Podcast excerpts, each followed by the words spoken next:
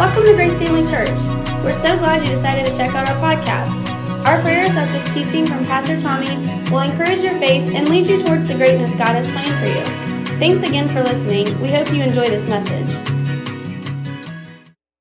I want to continue the series that um, I started. I thought today would be the conclusion of this series, and as I dug into today's message, I really felt like it, it was worthy of two weeks rather than me just trying to cram it all down your throat and maybe keep you a little longer than, you know, I've always said that I try to operate by the law of head and tails. The head can endure only as much as the tail can. Um, so I try to keep you guys here only long enough that you're comfortable, right? And, you know, I know we're all hungry, but sometimes it's better to, to let a, a single truth simmer than multiple truths just to blow by you, right? And so I want to I just deal with a single truth today uh, about this subject of uh, being redeemed of the Lord and being free indeed. Uh, and then next week, I said this last week, and next week we'll be bringing it to conclusion, I think. But you know, how many realize I ain't in control of this ship? The Holy Spirit is. Amen? I'm just trying to hang on to the wheel while He guides us and tells us where to go. Amen? All right, so, um, uh, but what we've been talking about in the series is really it's the desire of God for us to be free.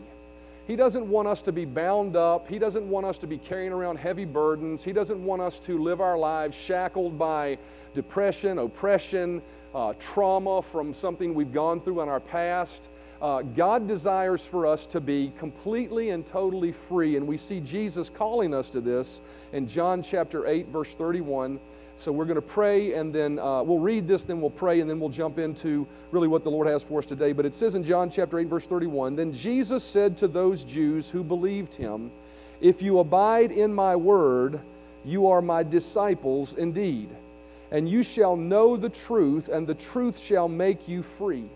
Therefore, if the Son makes you free, you shall be free indeed. Let's pray before we get started. Father, Thank you so much for your word. Thank you for the truth that's in your word. And I thank you that you care about each person here. You care about what they're going through right now. You care about all of the things that they've come here with, the good and the bad. And you care about making things better.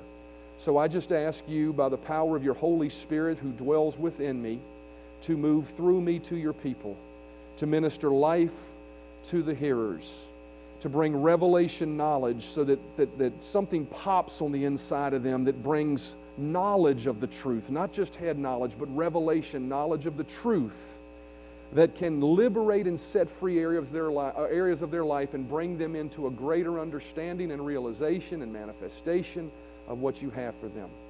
I thank you and praise you for accomplishing that. In Jesus' name, amen. You see here Jesus making this statement. He said, You shall know the truth, and the truth shall make you free. And I've pointed this out every week that it is not God's desire for you to figure out how to make yourself free. It is God's desire for you to know some truth about what Jesus did for you so that the revelation of that makes you free, actually liberates you and sets you free to the point that you're not struggling and striving and trying to shake something it's just fallen off of you like a prisoner that's been set free from prison doors that have been bound for quite some time. It is God's desire to set you free for you knowing the truth. And notice he says, notice he says, You shall know the truth.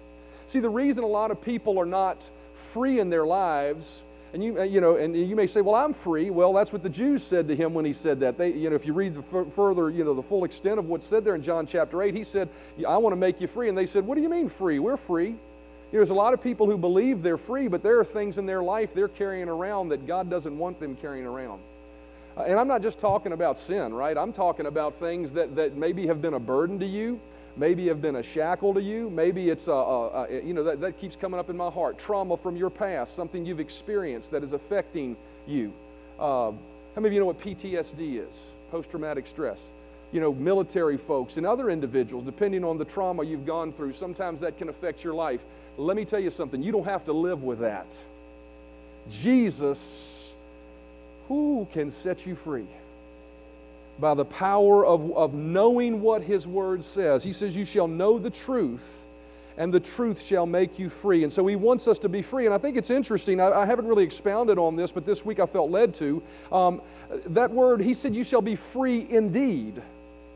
And that word indeed is an interesting word. I looked it up and it, and it says this it means truly in reality, in point of fact, as opposed to what is pretended or fictitious or false. And sometimes it's translated clean. And we'll talk about clean in a moment. But think about that first, that first definition of indeed. It's, it's, it says, as opposed to what's pretend. You know, I've always said this about my life, and I've always tried to live this way in my Christian experience. You know, when you hear something good about God that He's willing to do in your life, that excites all of us. And, and, and that excites me. And, and so we embrace that truth. But, but I'm not interested in just embracing a truth. I want it active and working in my life. How many can get a, that was a good chance for an amen. Because if all you have is just a belief, but it's not manifested in your life, then there's a bit of, of a pretend nature about it. Right now, I understand faith and standing in faith until something manifests, but I got to tell you, if you've been standing for something, you know, uh, for, for years and years that Jesus said is already yours, something got to be fixed in the way you're believing and you're knowing. I'm just, that's just the way it works. And so for me in my life, you know, I don't want to say I know the truth, but in reality, in truth, in practice, it's still not happening in my life. I, I want to experience it every day. If Jesus says that I can live free from sickness, I want to live there. I don't want to just acknowledge it. I don't just want to say I can have it, but not live there, right? And, and it's God, Jesus said the, the thing that brings that is knowledge of the truth. The Bible says, My people are destroyed for a lack of knowledge. It is through digging in. You know, I was thinking about this today before the service. Not because I'm a great preacher, I'm not, man, but, but, but the Holy Spirit lives in me and He can use me, right? If He can use a donkey, He can use me, right? You can't afford to miss hearing the Word of God if this is your church. And that's not, a, that's not like me to get you here for attendance. It's because God loves you. The truth, the truth that is there. I mean, our missing of, of church should be, I mean, I, and I'm not, uh, you know, condemning. If you go on vacation, I get that, right? Things get in the way. I get that. But it should be a priority for you that, man, this is my steak and potatoes for the week. I got to, and hopefully believe God with me that I'm delivering your steak, steak and potatoes. Pray for me, amen? But he said, You shall know the truth, and it shall make you free. And we said one other meaning of that word sometimes indeed is translated clean. That word clean means free from contamination. When I think about that, you know, I think about my pool. I got a pool in my backyard, and we went away for vacation, came back, there was a bunch of yellow algae on the bottom. And I have been working to get that clean for almost three weeks. But there's still a little bit of an element of it there. And so I can, you know, you can see that on occasion. You know, it still looks pretty clear, but I can still see it on occasion. That pool, even though there's a little bit of it there, is still contaminated. God doesn't want just a little bit of something in your life. What that tells me is that God wants you completely clean so that if He says you're redeemed, and we, we looked at this in Scripture, if He says you're redeemed from the common cold, you're not willing just to accept the sniffles when they come along in the fall as something that's just you should just have.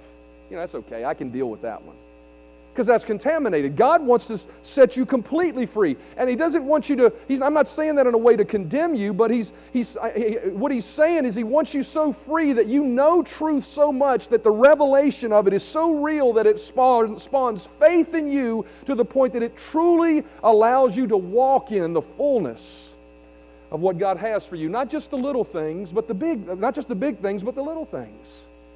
See, God cares about your big things, but He also cares about your little things. You need to go back and listen to that service on the website that I did several weeks ago. God cares about the little things. And so we, and so we need to come to a place in our life where our, our redemption is so real that we're proclaiming it. We can't help but shout about it and rejoice about it because it's actually happening in our life. Psalm 107, verse 2 says, Let the redeemed of the Lord say so, whom he has set free from the hand of the enemy. He says that, you know, when, when God sets you free from something, when something really good happens, you can't help but talk about it, right?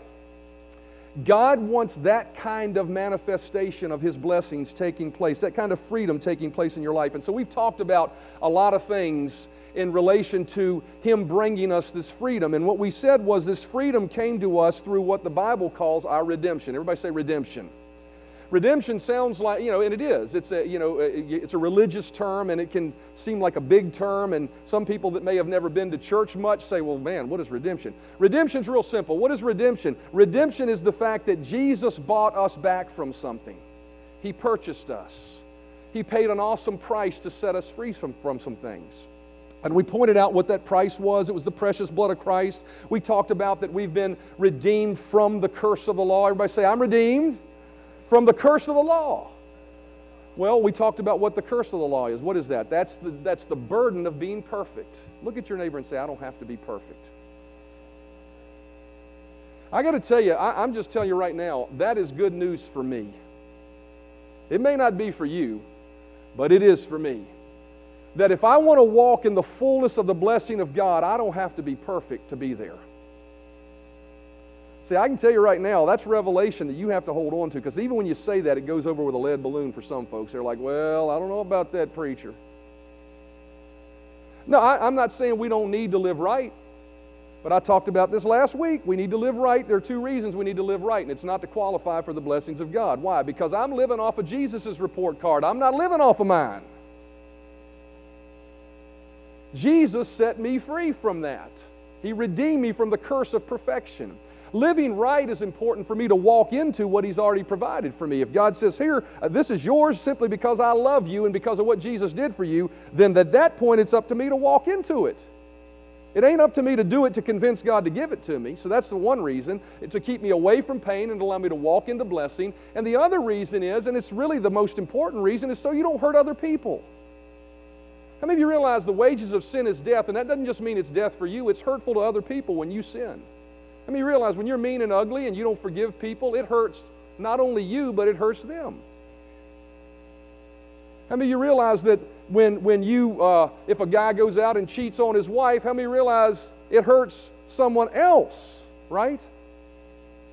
So, the thing we need to recognize is the reason we don't sin is not so we can qualify for blessing from God. The reason we don't sin is so that we can be a good testimony to others, we can be an example of Jesus to others, and so that we can walk into what He's already freely given us because of what Jesus did for us. Amen? Amen. And we found out that because we've been set free from living perfect, it also set us free from all the implications of not being perfect.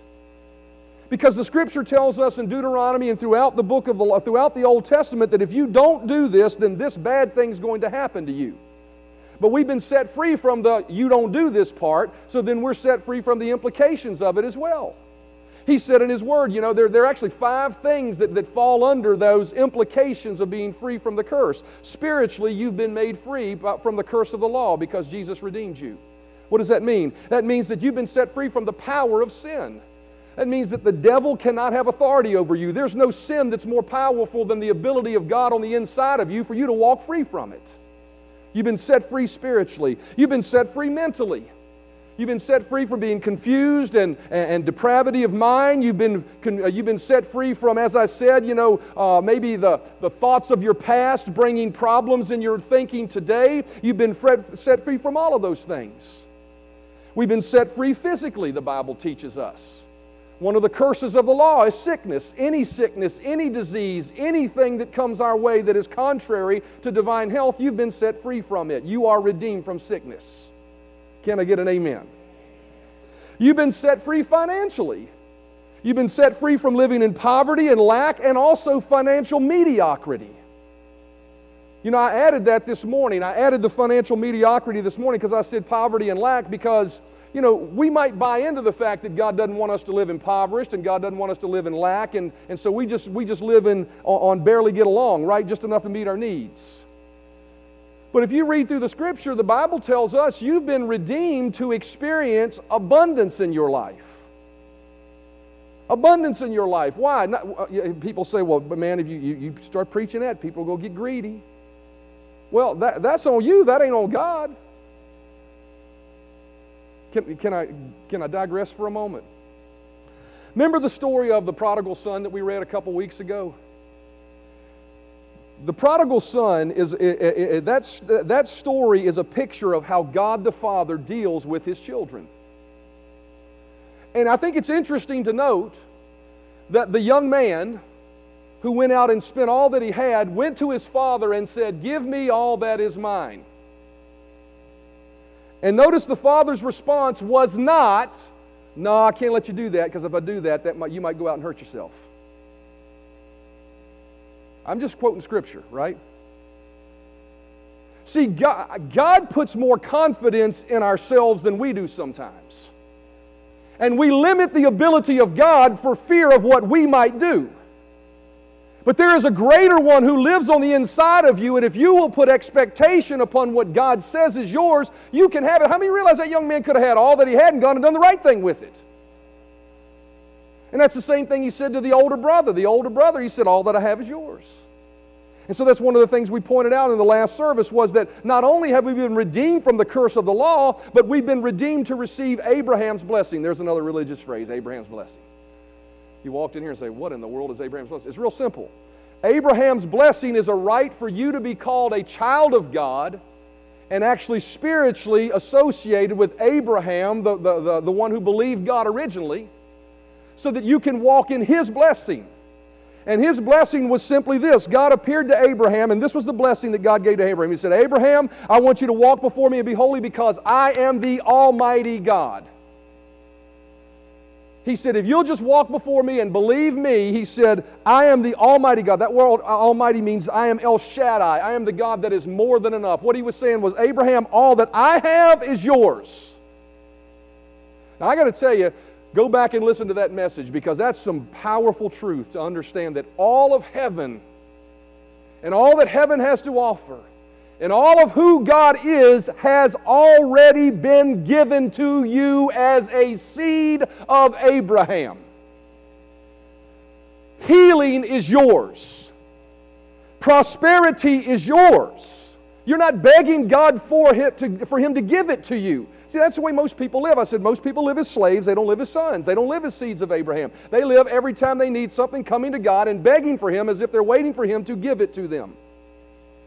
Instead of coming to God and thanking Him by faith, humbly and, and, and, and, and, and, and, and with great humility.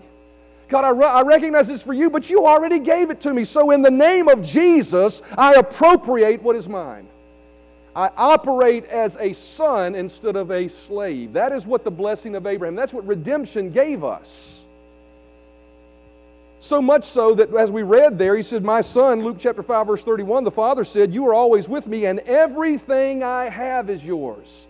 Every, that's a type of what God says to us. He's saying to you this morning, Everything I have is yours. So here's the question I would ask you if it's already yours, why are you asking Him for it? See, some people say, well, does that mean we're never supposed to pray and ask God? No, we're supposed to come to God and thank God. The Bible says, let everything be done, it says, let your request be made unto, known unto God with thanksgiving. See, when do you say thank you for something? You say thank you after somebody gave it to you, right? So, what he's saying is when you come to God, the way we should be praying as believers is not, oh God, please give it to me. Oh God, send down some healing. Oh God, help me with this need. We should be going and saying, God, thank you that I am healed. Thank you that I am blessed. Thank you that my needs are met. That's the way we approach God. The thank you is there, and that, that, that dialogue is there for us to remain connected and humble to the one who gave it. Amen. I said it like this last week. We've been given refrigerator rights because we're redeemed. And I explained refrigerator rights. You know, when, when I was growing up, I, you know, even after I moved away from home, I'd come over to my daddy's house, I'd open the refrigerator, or something in it I wanted, I just took it. I didn't ask him for it because I knew I had rights and privileges as his son, and he didn't care. He loved me. You got rights and privileges this morning to access all that you need. You ain't begging God for it. You got to let, the, let, that, let that switch flip in your thinking this morning. When you come to God, no longer will I beg Him to intervene in my life.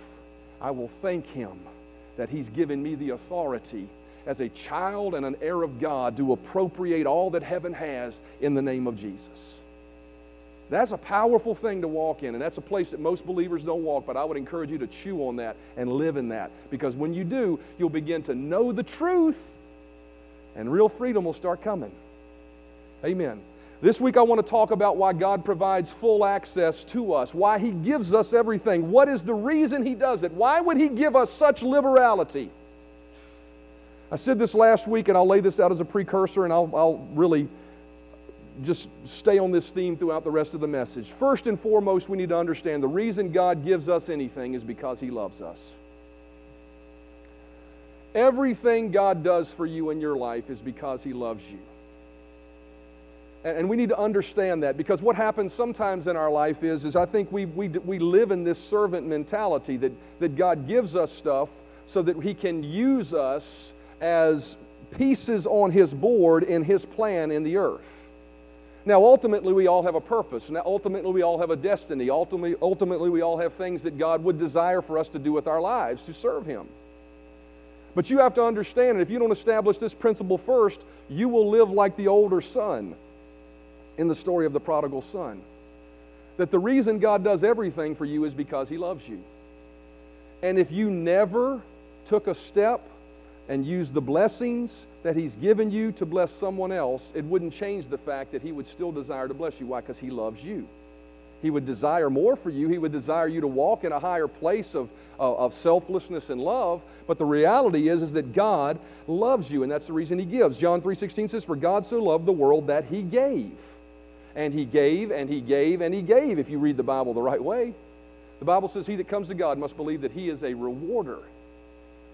A rewarder. He's a God that wants to give and to bless. And so we see clearly that God wants us to wants to bless us because he loves us. And we see this in the story of redemption. And here's where I want to settle today because I think when we get to the complete understanding of the truth that I have for you, it'll take me about 20 minutes to get through this. I'm going to ask you to stay with me. I believe there is a revelation that can change, just change you. There's always revelation in every service, but maybe because I'm preaching it right now, this one's so important, you need to get it. Galatians chapter 3 and verse 13 says, Christ has redeemed us from the curse of the law, having become a curse for us, and we've covered that. That the blessing of Abraham might come on the Gentiles in Christ Jesus, and we covered that last week. Here's the part I want to get to that we might receive the promise of the Spirit through faith.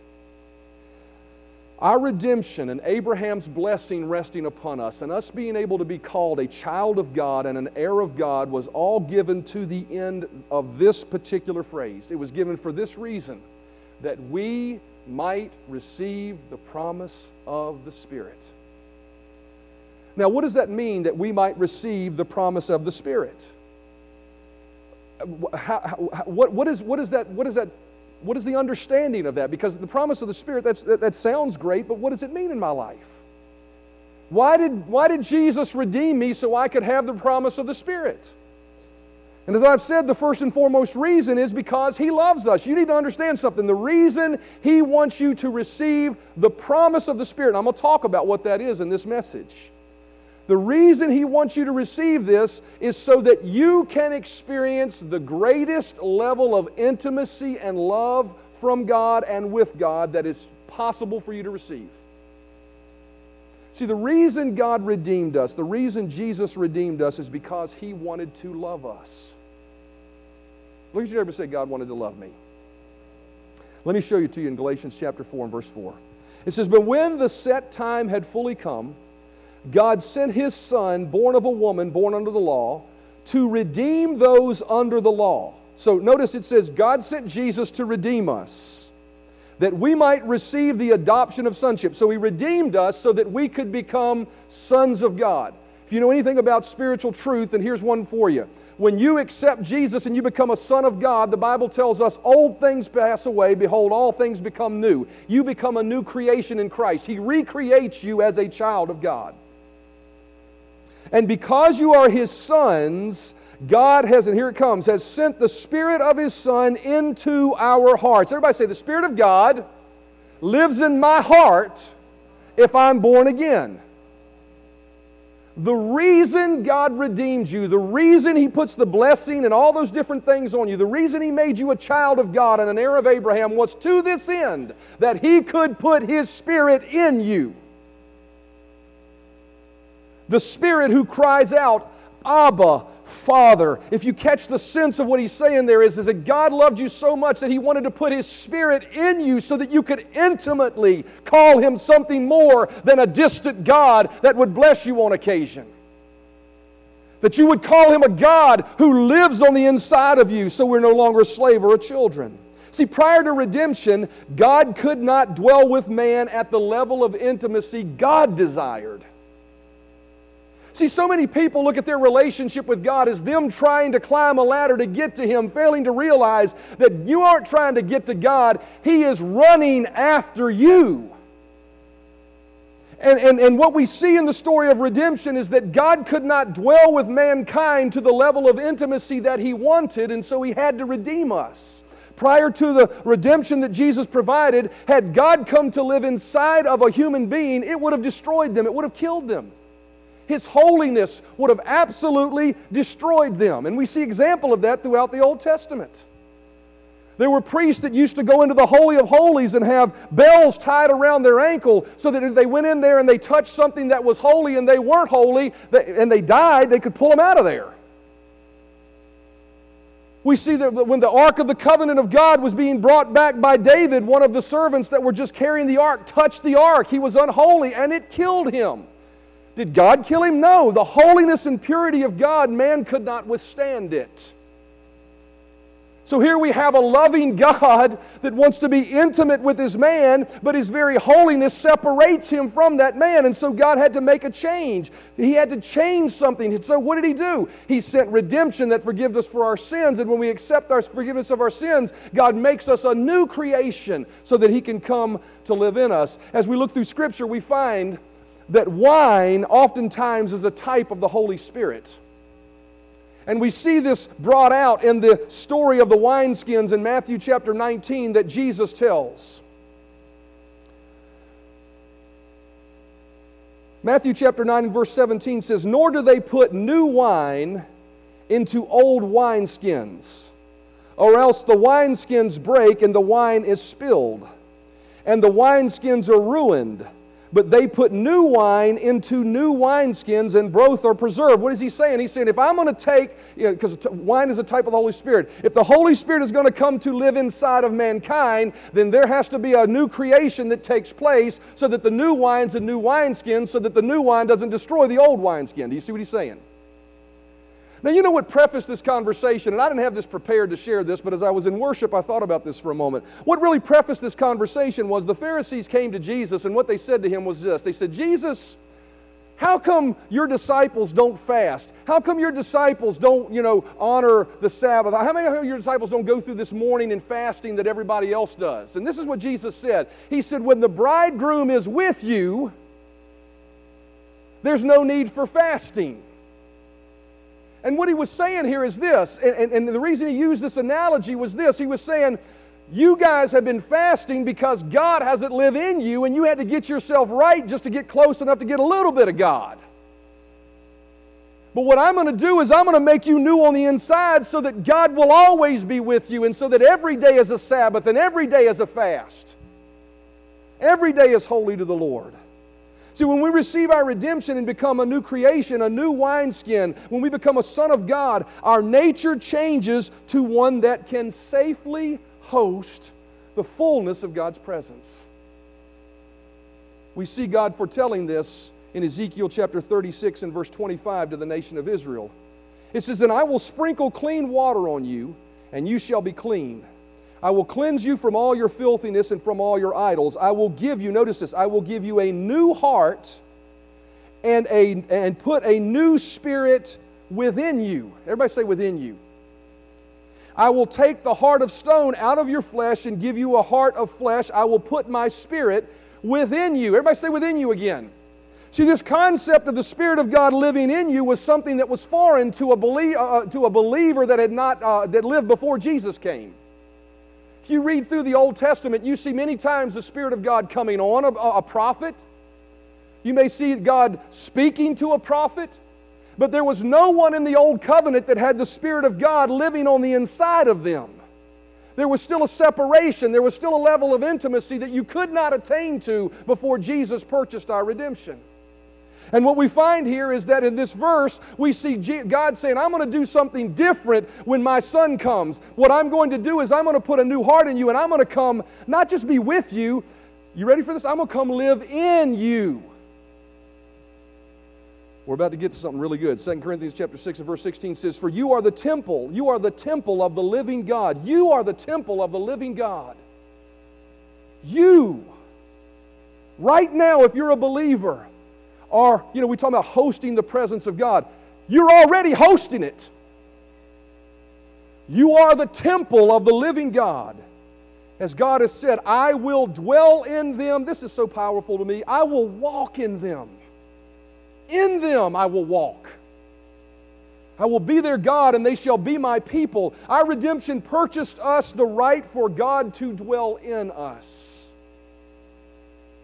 to be his temple, not made with hands, to host his presence at all times, wherever we go, whatever we do.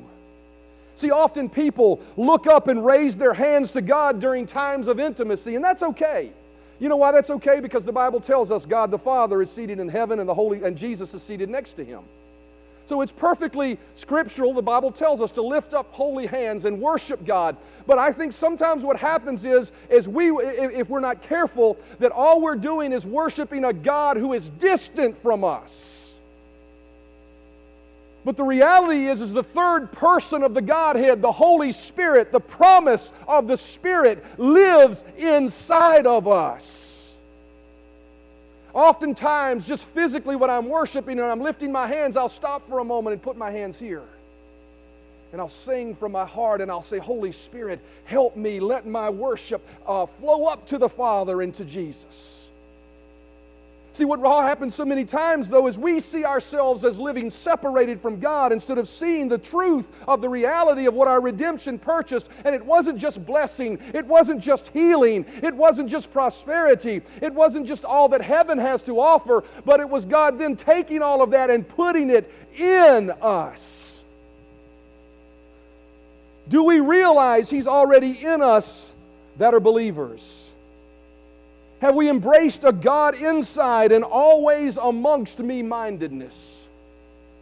That everywhere I go, He's in me. I am the temple of the living God.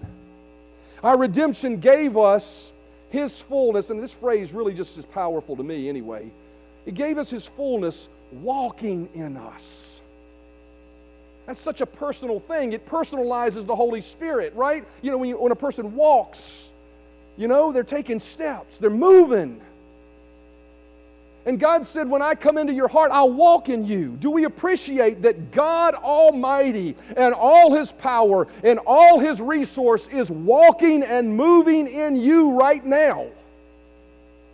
Freedom is coursing through the inside of who you are. Healing is moving in your body at this moment if you're a believer. What a mighty redemption. What a mighty redemption God has given us. This freedom we so often are reaching out for dwells within us by the power of the Holy Spirit. John chapter 14 and verse 16 says, And I will, Jesus said, and I will pray the Father, and he shall give you another comforter, that he may abide with you forever even the Spirit of truth, whom the world cannot receive, because it seeth him not, neither knoweth him, but you know him, for he dwelleth with you. Now, notice this, and shall be in you. See, to the believers he was talking to, he hadn't died on the cross yet. He was just with them. But he said, Once I die and I go away, I'm going to send the Holy Spirit, and he will dwell in you our redemption placed within us the very person of the Spirit of God. The Spirit that moved over the face of the waters at creation lives on the inside of us. The Holy Spirit that, sw- that, that swirled like a fire before Moses in a burning bush and seared commandments of God into the tablets of stone lives and moves within us. The Holy Spirit that appeared to Ezekiel and Job as a whirlwind with lightnings and flashings and, and radiant lights bursting forth from that whirlwind is in you, moving in you right now. The Holy Spirit that when He speaks can command the, the, the sound of the voice of many waters lives on the inside of you the one who that can, temper that voice of many waters into a very tender, still, small voice that can whisper to you in a moment a word that changes everything for you, lives in you. The Holy Spirit that rolled away a stone and broke the shackles of death and the grave and raised Jesus from the dead dwells in you, the scripture says. And the Holy Spirit, that when He showed up, shook temples and houses that people dwelled in as they were worshiping Him, lives in you. The power of the creation of God by the power of the Holy Spirit is moving in you right now. There's a revelation here you must grasp. That's why John said in 1 John 4 4, Greater is He that is in us than he that is in the world. No force of hell, no power of darkness can come against you and hold you captive. Why? Because he that is in you is greater than that. You say, well, how come I'm not living free? You've got to know the truth. It's got to come alive on the inside of you because when it comes alive on the inside of you, it will set you free. See, what our redemption gave to us was God living in us. But here's what I really want to get to today because that's all fine and well. That's enough to go home and shout about, right? But I want to get to a higher perspective and a higher understanding. And what I want to show you is this not only did God coming to live inside of us give us all of who He is, not waiting to receive from it, but it's in us. But it also gave God something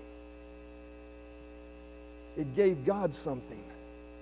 Our redemption purchased for God the unrestricted access and ability to dwell and walk in and amongst us as intimately as He desired. To be close as He possibly could to us. It allowed Him to walk in us as He once did in the cool of the day with Adam and Eve. Does this not express to you how valuable you are to God. And this is really what I want to get to today. Why did He redeem us? Because you are valuable to Him. He gave everything He had so that He could be as close as He possibly could by coming to live and intertwine His Spirit with ours. And it's this perspective of looking through the eyes of God and what He gained that we find the culmination and the purpose of redemption to be intimately flooded by His presence, His love, and His goodness. God's ultimate purpose of redeeming every one of us was to bring Himself and His love as close as possible to us. Now, I don't know if that winds your watch still, but it does mine. He loved me so much that He came after me and all my failings and all my failures and all my imperfections and all my future mistakes. He said, I love him and I am going to try to get as close to him as possible. See, you're not running from God. You're not running for God. You're not reaching out to God. He's coming after you this morning. That should change the way we worship, it should change the way we walk. No longer begging, no longer hungry. Oh God, please just swing by and touch us. But understanding He's in me right now, and I join with the Holy Spirit to lift my voice and magnify a Father and a Son and a Holy Spirit who would put together such a plan for me. See, Jeremiah 31 and verse 3 says, The Lord has appeared to old, of old to me, saying, I have loved you with an everlasting love. Therefore, with loving kindness, I have drawn you. He has been coming after us since this all started. And all that is required as the musicians come, all that is required for us to walk in the fullness of this God who lives on the inside of us is for us to simply open up what's inside of us to Him. To uninhibitedly do that. See, here's what I would say as much as you're willing to abandon yourself to God and His love is the level to which you will walk in the understanding of who He is. I'm going to say that again just in case anybody was distracted. As much as you are willing to abandon yourself to Him is the level to which you will experience His blessing. See, He's coming at you like a flood. And sometimes the hole he's trying to get through is about this big because that's all the bigger we're willing to open our mouth. He said, Open wide your mouth and I will fill it. The question is, how wide are you willing to open your mouth? How much are you willing to open yourself to Him? We see this example in Scripture. You know, not only is, is uh, wine a type of the Holy Spirit in the, in, in the Scriptures, but water is often, uh, many times, uh, a, a, symbol of the Holy Spirit. You know, it can be a symbol of the, the Word, the, the water can, but it also is a symbol of the Holy Spirit at times. And here in Ezekiel chapter 47 and verse 1, we see a beautiful picture of God's willingness to flood us with all of who He is to the level to which we are willing to accept Him. You say, I've already accepted Jesus. That's okay, you've accepted Him, but have you fully opened your heart to Him? Because we're like onions. God's got to peel us sometimes. Amen? Have you peeled the layers back as far as you can peel them this morning? Ezekiel chapter 47 and verse 1 says, Then he brought me back, speaking of an angel, Ezekiel had a vision. It says the angel brought Ezekiel back to the door of the temple, and there was water, a type of the Holy Spirit, flowing from under the threshold of the temple toward the east. For the front of the temple faced east. The water was flowing from under the right side of the temple, south of the altar. He brought me out by way of the north gate, so he led me out of the temple and out of the gate, and led me around the outside to the outer gateway that faces east, and there was water running out the right side. And when the man went, went, uh, went out to the east with the line in his hand, he measured 1,000 cubits, and he brought me through the waters. The water came up to my ankles. And again he measured 1,000 and brought me through the waters, and the waters came up to my knees. And again he measured 1,000 and brought me through the waters, and the waters came up to my waist. And again he measured 1,000, and it was a river that I could not cross, for the water was too deep, water in which one must swim, a river that could not be crossed. And he said to me, Son of man, have you seen this? And then down in verse 9 it says, It shall be that every living thing that moves wherever the river goes will live. That sounds like the freedom Jesus called us to. You shall know the truth, and the truth shall make you free. What he's saying here is the level to which you want to walk in freedom is the level to which you're going to be willing to step into the water. The depths of God love, uh, God's love that we experience is dependent on how much we're willing to relinquish our lives to it. The very reason we were redeemed was to experience the fullness of this Spirit. Have you only ventured out into the ankle deep experience of the promise of the Spirit? You've accepted Jesus, and your feet are cleansed from the path from which you've trod. But you're still the architect and builder of your own experience with God. You will dictate when and where God will have a part of your life. That's ankle deep water. Maybe you're just knee deep in the promise of the Spirit. Maybe you've become a little more regular at church attendance, occasionally make a, a comment here and there on social media about God or to someone about God. You still hold back the deeper areas of your emotion and pain from God, where the real hurt is, where God desires to love you and care for you and help you and, and, and heal you. You still have not given all of yourself. You still own the steering wheel for your life. I'm going a little deeper but I'm going to be in control. He's the co pilot, I'm still the pilot. Maybe you've been out to waist deep experiences of the promise of the Spirit. You're a regular church attender. You raise your hands every once in a while and worship. You maybe even shed a tear every once in a while because you sense the Spirit of God in your life. But the deeper things that God has called you to, to experience more of His love, you've not been willing to submit yourself to. Maybe it's an area of obedience. Maybe it's an area of being filled with the Holy Spirit and relinquishing the control of your life completely to Him by being filled with the Holy Spirit with the evidence of speaking in an unknown heavenly tongue that He wants to give you that will enhance your ability to be loved by Him. See, there's a deeper place for all of us, a place where we can lose control somewhat, eh, eh, where we somewhat lose control in water that's too deep for us to walk across. But you know, the interesting thing about water, if you swim in it, how many of you realize you still have an element of control? See, some people, when you start talking about going deeper in God, they get afraid like God just go take them and do something they don't want to do. When you swim, you're still sort of moving, you're still flowing with the current, right? But you're yielded to the water. It's flowing around you. And that water that's flowing around you is the love of God that can only be experienced by delving into those deeper places in Him. See, Jesus redeemed us so that God could inhabit us and so that He could overflow us and fill us, so that the fullness of who He is could be experienced in our life as much as possible on this side of heaven. God wants us to relinquish ourselves to Him. God wants us to open our hearts to His love in full trust, knowing that He would only take us to places that were good for us in the first place.